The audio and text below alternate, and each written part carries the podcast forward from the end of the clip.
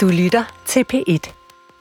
Jeg tager mig selv i at sidde og kigge på Instagram på folk, der bor på Djursland, og, og prøver at lede efter og se, minder de om mig, minder du om mig. Kunne du være en ven? Nogle gange så føler jeg mig så anderledes. Og jeg kan ikke finde ud af, hvad det er, jeg skal gøre for at få den følelse til at gå væk.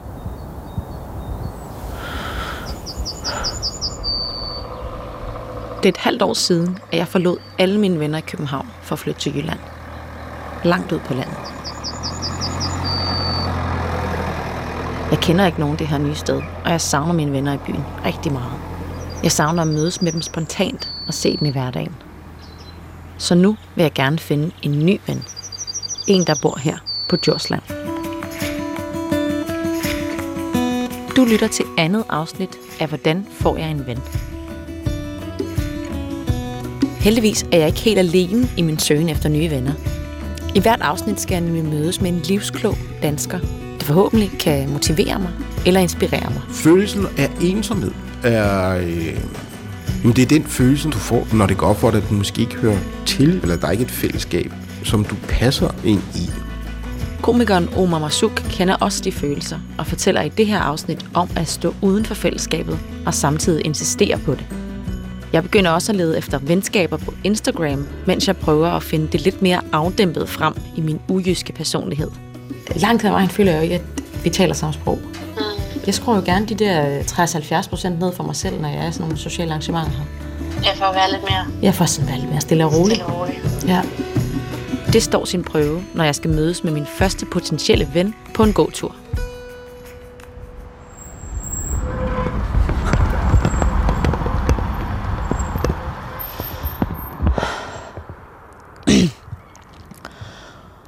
Kørte sådan på cyklen i mine egne tanker, og så fik jeg bare sådan, Gud, jeg bor her i Fjellerup. Mega langt ude på landet. Åh, hvor vildt. Det er lidt en følelse af, at det er bare noget, jeg leger. Og lige om lidt, så skal jeg tilbage. Og jeg har ikke lyst til at skulle tilbage. Men det tager godt nok lang tid at vende sig til, at man bor et helt andet sted. Og det er den her lille by, og det kommer til at tage mig de næste mange år at regne ud, altså hvordan bor man her? Hvem er de mennesker, der bor her? Hvordan gør man? Og Mette Krøyer er praktiserende psykolog. Hun hjælper mig med at finde nye venner. Øhm, jeg har nogle forskellige mennesker i kikkerten. Mm-hmm. Nogle, jeg har set på Instagram. Ja. Fordi jeg har kigget på det hashtag, der hedder Djursland. Ja. Og der er helt konkret en række kvinder, som er sådan lidt jævnaldrende med mig, og som bor inden for kørselsafstand. Mm-hmm. Jeg vil gerne tage kontakt til dem. Hvad synes du, jeg skal gøre? Så synes jeg, at du skal gå ind og poste på Instagram. Og se, hvad der sker. Men, men jeg havde faktisk tænkt på, at jeg måske... Altså, man kan jo skrive til folk med sådan en sms-indbakke på Instagram. Ja. Men mindre du siger, at det er verdens dårligste idé, du kommer til at virke som en øh, totalt underlig person. End ja, jeg skal... jeg tænker, du skal gøre dem nysgerrige på dig. Ja. Og hvis du nu øh, viser, hvad du er optaget af, øh, sådan så at de kan se, at du er søgende, men uden at, at, at angle efter kontakt. Ja. Hvad så, hvis der ikke sker noget? Hvad er det nu, du er i gang med? Hvad er det, du gør, som du kommer til? Og være utålmodig? Ja. Og, og blive negativ på forhånd. Ja. Det var psykologen, der snakkede nu. Ja. Jamen, det er mere bare, altså, jeg havde egentlig tænkt mig, at jeg ville prøve at skrive til dem. Det skal jeg ikke gøre. Mm-hmm. Nej. Nogen kan få sådan en stalkerfornemmelse. Ja, okay. Og, og det skal vi ikke ud i. Så et eller andet sted er lade frihed, frivillighedens vej. Ja. Og så kan det jo være, at, at nogen af dem byder ind, hvis de er interesserede. Og så siger du bare ja tak. Ja. Okay, det prøver jeg. Nu har jeg lige været holdt ind til siden i min bil ved en mark, fordi jeg tænkte, hvad skal det, hvordan skal det se ud, det der billede, jeg skal poste på Instagram? Så tænkte jeg, mm, det skal på en eller anden måde, altså selvfølgelig symbolisere noget nyt for mig. Så der tænkte jeg, okay, jeg stiller mig sgu ud, og så tager jeg et billede af mig selv foran en mark. Der har ikke været så meget mark i mit liv før. Nu kører jeg hele tiden rundt langs marker og kigger ud over, over landet på den måde. Så øhm, nu har jeg taget et billede af mig selv, og så har jeg tænkt mig at jøde nedtone det en lille smule, så det ikke er så... Mm, jeg vil være din ven, please, please. Øh, så man ikke bliver intimideret af, at jeg leder efter nogle tætte relationer. Jeg starter med at lede efter nogle, bare nogle relationer, og så øh, kan det være, at det kan blive til nogle tætte relationer. Og det har jeg tænkt mig at lægge op lige her om lidt. Uh, det bliver spændende. Der er mange mennesker, der virkelig har prøvet at føle sig udenfor. Jeg er bare flyttet til en ny egen, men andre skal balancere mellem to landes forskellige kulturer. Komiker Omar Masuk har egyptiske rødder og har derfor ofte følt sig fremmed i Danmark. Derfor vil jeg gerne have et råd fra ham til, hvordan jeg kan tilpasse mig på min nye egen. Mit råd vil være, at man skal passe på med at give køb på for meget af sig selv for at passe ind i et nyt fællesskab. Rødder, historie og hvor man kommer fra og hvem ens familie er, det betyder noget. Og det betyder også noget i møde med andre mennesker. Og, det, og, det, og der er virkelig mange indvandrere, der gør det. Og de, de sørger for at glatte alle de her ting ud. Der er sågar nogen, der tager danske navne og sådan noget for, i, i forsøget på at, at gøre det der møde mindre øh, konfliktfyldt. Men du bliver bare aldrig en del af fællesskabet, eller det nye fællesskab, hvis du ikke er dig selv i det. Så det, det er en virkelig svær balance med at insistere, insistere på, hvem man er, og insistere på sin plads i det nye fællesskab. Og så samtidig have en respekt for det fællesskabets værdier og normer. Omar Masuks familie er fra Ægypten, men han er selv født i Danmark. Alligevel er følelsen af at være sådan rigtig dansker og rigtig med i fællesskabet aldrig kommet. Jeg får jo en følelse af ikke at, at være med i fællesskabet, når der for eksempel er store øh, nationale begivenheder, eller når øh, herrelandsholdet spiller en VM-finale, og alle står op og, og synger nationalsangen. Der kommer ingen følelser op i mig der. Jeg står egentlig bare og kigger på det og siger, det er meget sødt, men jeg er ikke en del af det der. Det har egentlig ikke noget med mig at gøre, at de står og synger, der er et yndigt land. Jeg er jo egentlig opdraget til, at at vi skulle tilbage til Ægypten på et tidspunkt. Ikke? Og så midt i teenageårene, så, finder man, så begynder man at danne sig så har, tager man det berømte forældreoprør, og så siger man, Nå, nu skal jeg være en del af det danske samfund, og så tror jeg bare, det knækker også, når man finder ud af, men det er du så ikke alligevel. Min, min, min oplevelse er, at hvis du har en anden etnisk baggrund end dansk, som det hedder, ikke? hvis du er indvandrer, hvis du, og især hvis du er muslim, så er vejen til, at du ikke er øh, medlem af det gode selskab meget, meget kort. Øh, nu drikker jeg jo for eksempel alkohol. Jeg går ikke, øh, altså islams dogmer går jeg jo egentlig ikke op i, men det gør min, min søster for eksempel. Hun drikker ikke alkohol og går med slør. Og på nogle danske kvinder virker det provokerende, at en kvinde gerne vil vente til at have sex første gang, når hun bliver gift og ikke drikker alkohol og sådan nogle ting. Ikke? Fordi, og så siger jeg, hvorfor, hvorfor bliver du provokeret af det? Fordi min søster er overhovedet ikke missionær. Hun vil ikke sige til dig, jeg synes, du skal tage slør på. Eller, øh, hun, det vil hun aldrig gøre. Altså, hun lever sit eget liv, og synes, det er fint, andre gør det på en anden måde. Men der er nogle mennesker, der bliver provokeret af, at folk lever på den der måde.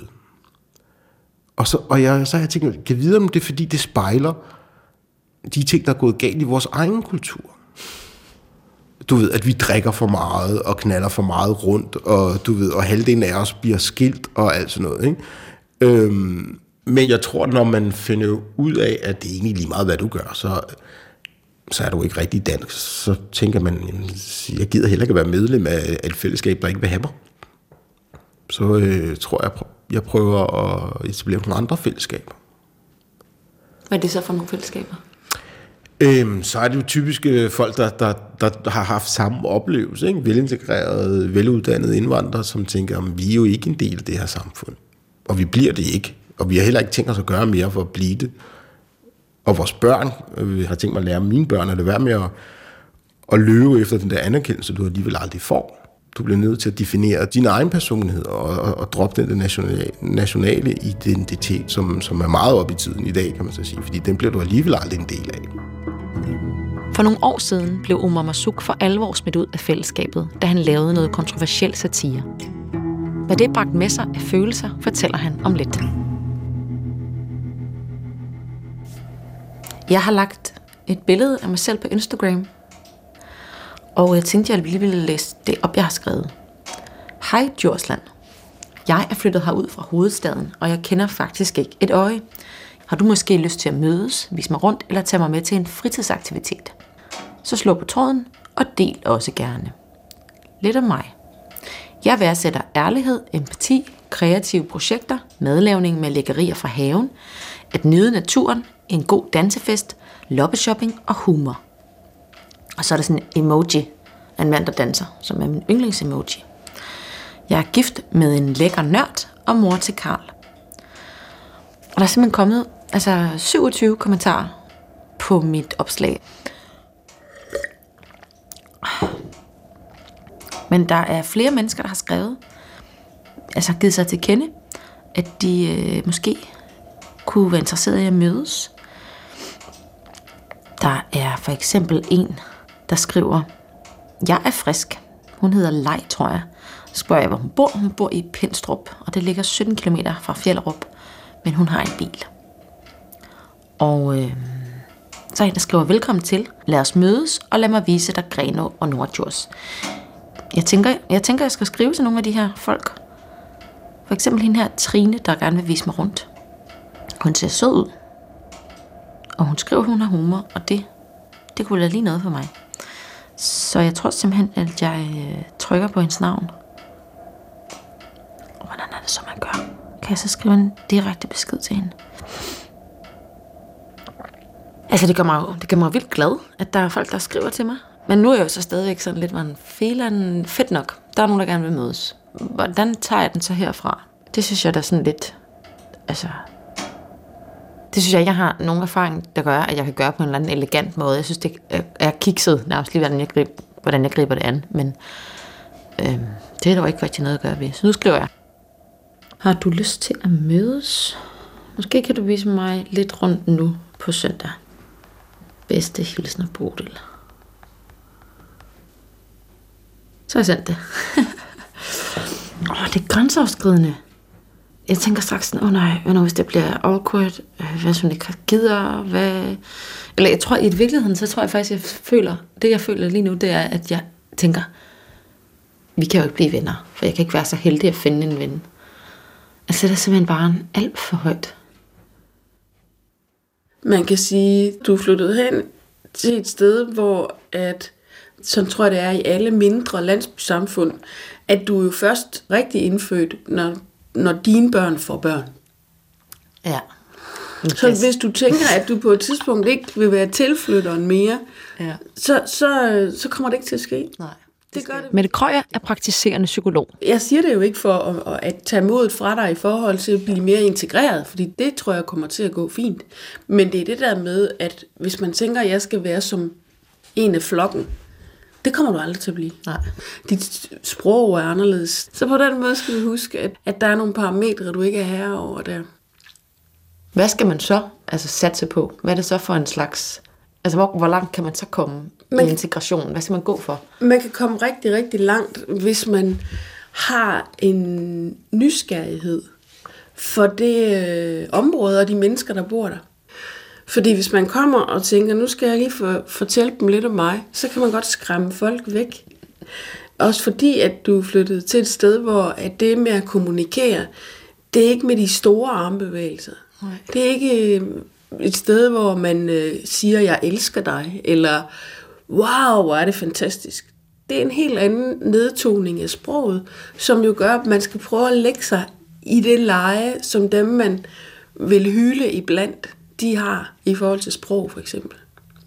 Det tror jeg bare overhovedet ikke, jeg kan finde ud af. Jo, og, og, og et eller andet sted, så er der jo ikke noget, vi kan, før vi har øvet os. Men hvad hvis man altså, bare slet ikke køber ind på den præmis om, at det er fedt at tale med små armbevægelser, for det synes jeg ikke, det er. Nej. Jeg kan godt lide landet, og jeg kan godt lide naturen, og jeg synes, der er mange søde mennesker og alt det der. Jeg synes ikke, det er fedt at, at under, altså nedtone alting. Det kan jeg godt forstå, og du skal selvfølgelig heller ikke underbyde din egen personlighed. Men man kan jo nogle gange tillægge sig nogle metoder i forhold til det sproglige og kommunikationsmæssigt, som ikke gør, at du sælger ud af dig, men at, at du tilnærmer dig lidt en gang imellem, når det er relevant. Du bruger din intuition på at fornemme, at hvad er det, der, der gør andre mennesker trygge. Og det siger jeg, fordi du er ude efter at finde nogen at bonde med. Ja. Så du skal hele tiden over i dem og være sådan fornemmende på, hvad gør dem tryg? Fordi hvis at tr- tryghed i et andet menneskes selskab er det, vi alle sammen ønsker allermest. Okay, så hvis jeg skal, hvis jeg skal bonde med nogen, så skal de være trygge i mit selskab? Ja. Okay.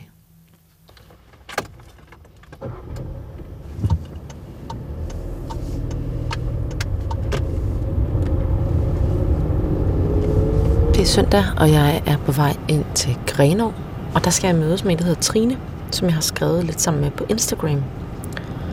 Trine her, hun er, ja, hun er noget ældre end mig, tror jeg. Jeg tror måske, hun er i 40'erne. Jeg er 31. Vi har aftalt, at vi skal mødes hen ved Grenå øh, Bibliotek. Og så hun giver mig en rundvisning. Så det er sådan det, programmet lyder på. Det er jo lidt ligesom en dating. Mødes med en menneske, jeg aldrig har mødt før, fordi at jeg gerne vil opnå en eller anden social relation. Øhm, altså hvis jeg skulle have gjort det for 14 dage siden, for eksempel, altså så ville jeg have været kanon nervøs. Men nu er det som om, jeg har fået... Altså det har faktisk hjulpet de ting, jeg har gjort. Altså at jeg har været hen og snakket med psykolog med det, og hvis Trine er ikke, ikke, altså, ikke er noget for mig, så, så, øh, så er det fint nok. Så er det bare et par timer af, min, af mit liv. Så har jeg øvet mig på altså, at møde nogle andre. Og jeg synes jo, det er mega sejt, at Trine her, som jeg slet ikke har mødt før, gider at bruge en søndag, et par timer en søndag på mig. Øhm, og vise mig rundt og, og snakke og sådan noget. Det, det, det synes jeg er sejt.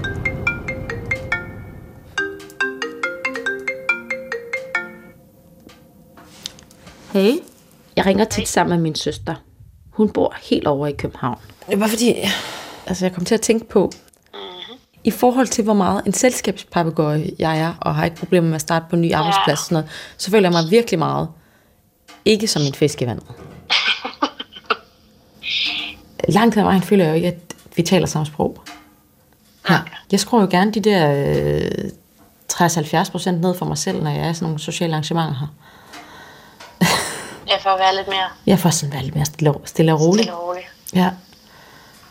Og det sagde hun faktisk også, en psykolog, at det synes hun, jeg skulle... Altså hun sagde det ikke sådan, hun sagde, at jeg jo kunne tænke på, at det var en mere formelt del af landet, jeg var flyttet til. Det var ikke det ord, hun brugte, men sådan noget i den dur, ikke? Sådan, Ja, ja. Og at, at øh, man skal, hvis man gerne vil altså få venner, så skulle man jo hyle, ligesom det ulve, man var iblandt. Og det kunne for eksempel Ja. være ved at skrue lidt på, hvad for nogle tillægsord, jeg brugte. Wow. Ja, sådan, øh, for eksempel ikke at sige, var det en god middag, I fik? Ja, det var vidunderlig mad. Så, så, siger hun, så tænker folk, wow, det må godt nok have været det mest sindssyge mad, hun har fået, hvis det var vidunderligt. Hun kunne også bare sagt, ja, det var fint. Ja. På den ene side, så er det jo rigtigt nok, selvfølgelig skal man det tilpasse sig, men man skal jo heller ikke, man skal heller ikke lade sig være en helt anden, fordi så er det jo heller ikke dig. Nej, nej, nej. Så bliver de jo også skuffet, hvis de så bliver venner med mig. tilpasser sig jo altid sin situation. Altså, du taler jo på en måde, når du snakker med mig, og på en måde, når du taler med Karl, og Ja. på en tredje, når du går arbejde, og du taler på en fjerde måde med mor og morfar. Og, Ja. Altså, det gør man jo også. Man tilpasser sig jo hele tiden til konteksten. Ja. Det usikkerhed bunder måske også i, at du føler, at det er dig, der skal have noget af dem, Ja. og de ikke har noget behov. Ja. Okay. Men man skal da også huske, at du kommer jo også med noget til badet. Altså, Ja, ja. de Det får er- muligheden for at dig igen. Ja. Det kan jo også komme til deres fordel. Ja. Men tak, fordi du gad at øh, lytte til mig, ensom med mig. Jeg er kun 300 km væk. Det er okay. Ja. Vi snakkes. Ha' det godt. Hej. Hej, hej.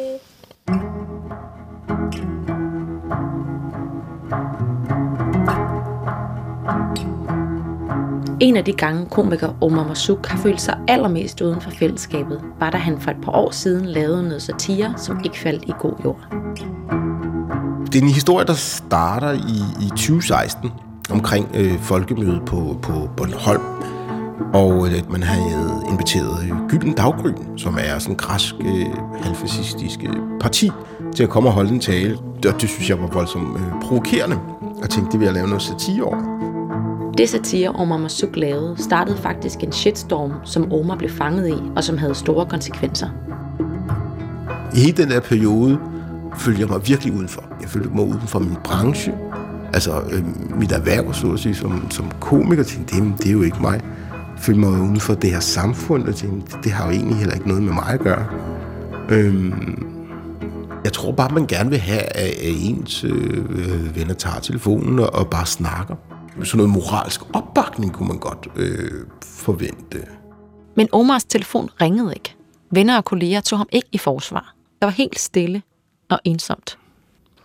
Følelsen af ensomhed, jamen det er den følelse, du får, når, du, når det går op for dig, at du måske ikke hører til, eller der er ikke et fællesskab, som du passer ind i. Det er en virkelig destruktiv følelse. Og man begynder også at digte en, en, en masse historier om, at der er ingen, der kan lide mig, og sådan nogle ting. Ikke? Det er et virkelig farligt land at komme ud i, fordi du har brug for andre mennesker. Hele min bedrift har jo været øh, bygge bro og få folk sammen og, og alt sådan noget. Så, så derfor var det en, øh, en virkelig øh, stor øjenåbner for mig, at okay, der, er heller ikke, der skal ikke meget til, før man bliver sparket ud af det selskab der. Altså, hvis det skal være på den måde, så tror jeg sgu ikke, jeg er dansk. Altså, så, er, så er jeg bare noget andet end dansker. Og, og man skal passe på, at man ikke graver sig ned i et hul og siger, så gider jeg ikke noget. Nu, nu, nu sidder jeg bare her udenfor. I stedet for at gøre det andet, det er i hvert fald det, jeg har lært af det, så må du altså smøre ærmerne op og sige, nej, nu insisterer jeg fandme på, jeg skal have lov til at være en del af det her, om I kan lide det eller ej. Ikke? Det kan godt være, at du får flere tæsk, men det er en langt, langt sjovere sted at være, end at lulle sig selv ind i, øh, i ensomhedens land.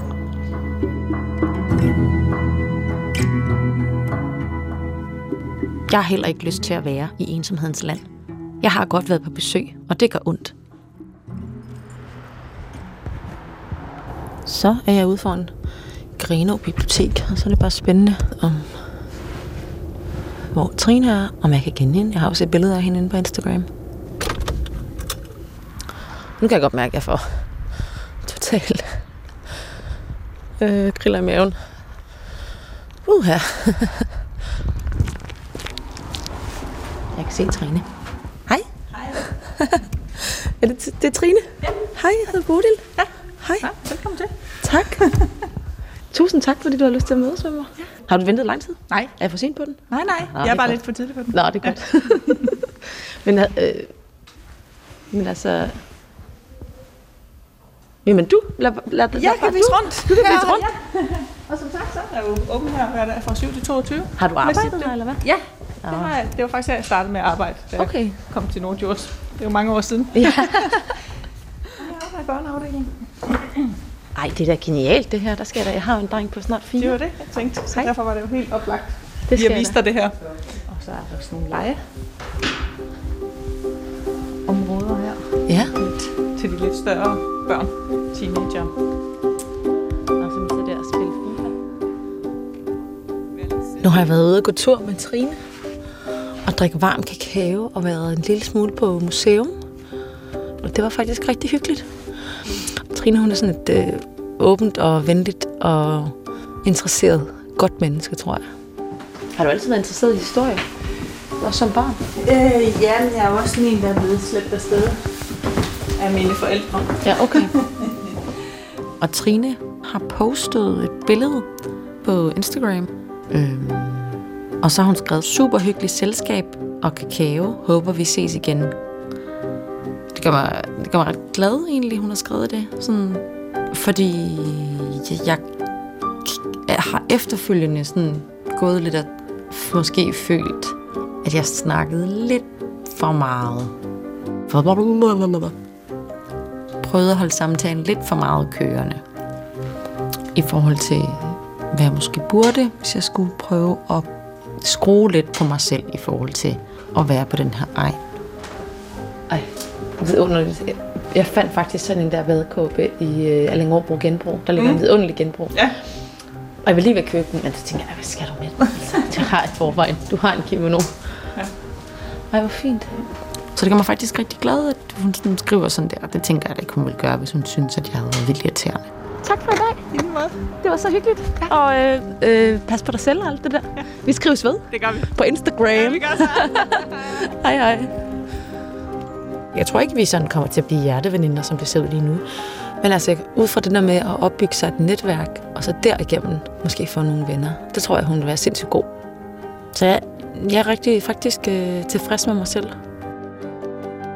Så har jeg faktisk også gjort noget andet. Det er, at hun har tagget mig og en, der har en konto, der hedder Livet i vandkanten. Og så har hun skrevet, Livet i vandkanten og Bodil, nu kender jeg øh, jer lidt begge to, og må anbefale jer til hinanden. I kan jo altid mødes på mit bibliotek. Smiley og hjerte.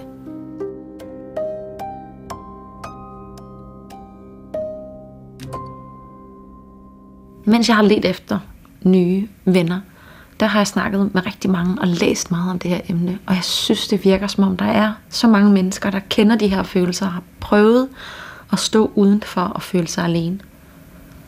Og det er ligesom om, der er sådan en afstand imellem os mennesker. Men så hver gang jeg, jeg rækker ud, føler jeg, så sker der noget godt. Og så bliver den her afstand meget mindre. Så måske behøver der ikke at være så meget afstand imellem os. I næste episode får jeg et skub bag i af den grønne aktivist Sine Venneberg. Der kunne man jo så vælge, hvis projektet er, at man gerne vil have nye venner, og sige, at jeg vil gerne have nogen, der præcis ligner mig. Det tror jeg bare ikke, man får noget godt ud af. Jeg flytter med tanken om at komme med i den lokale teatertrup.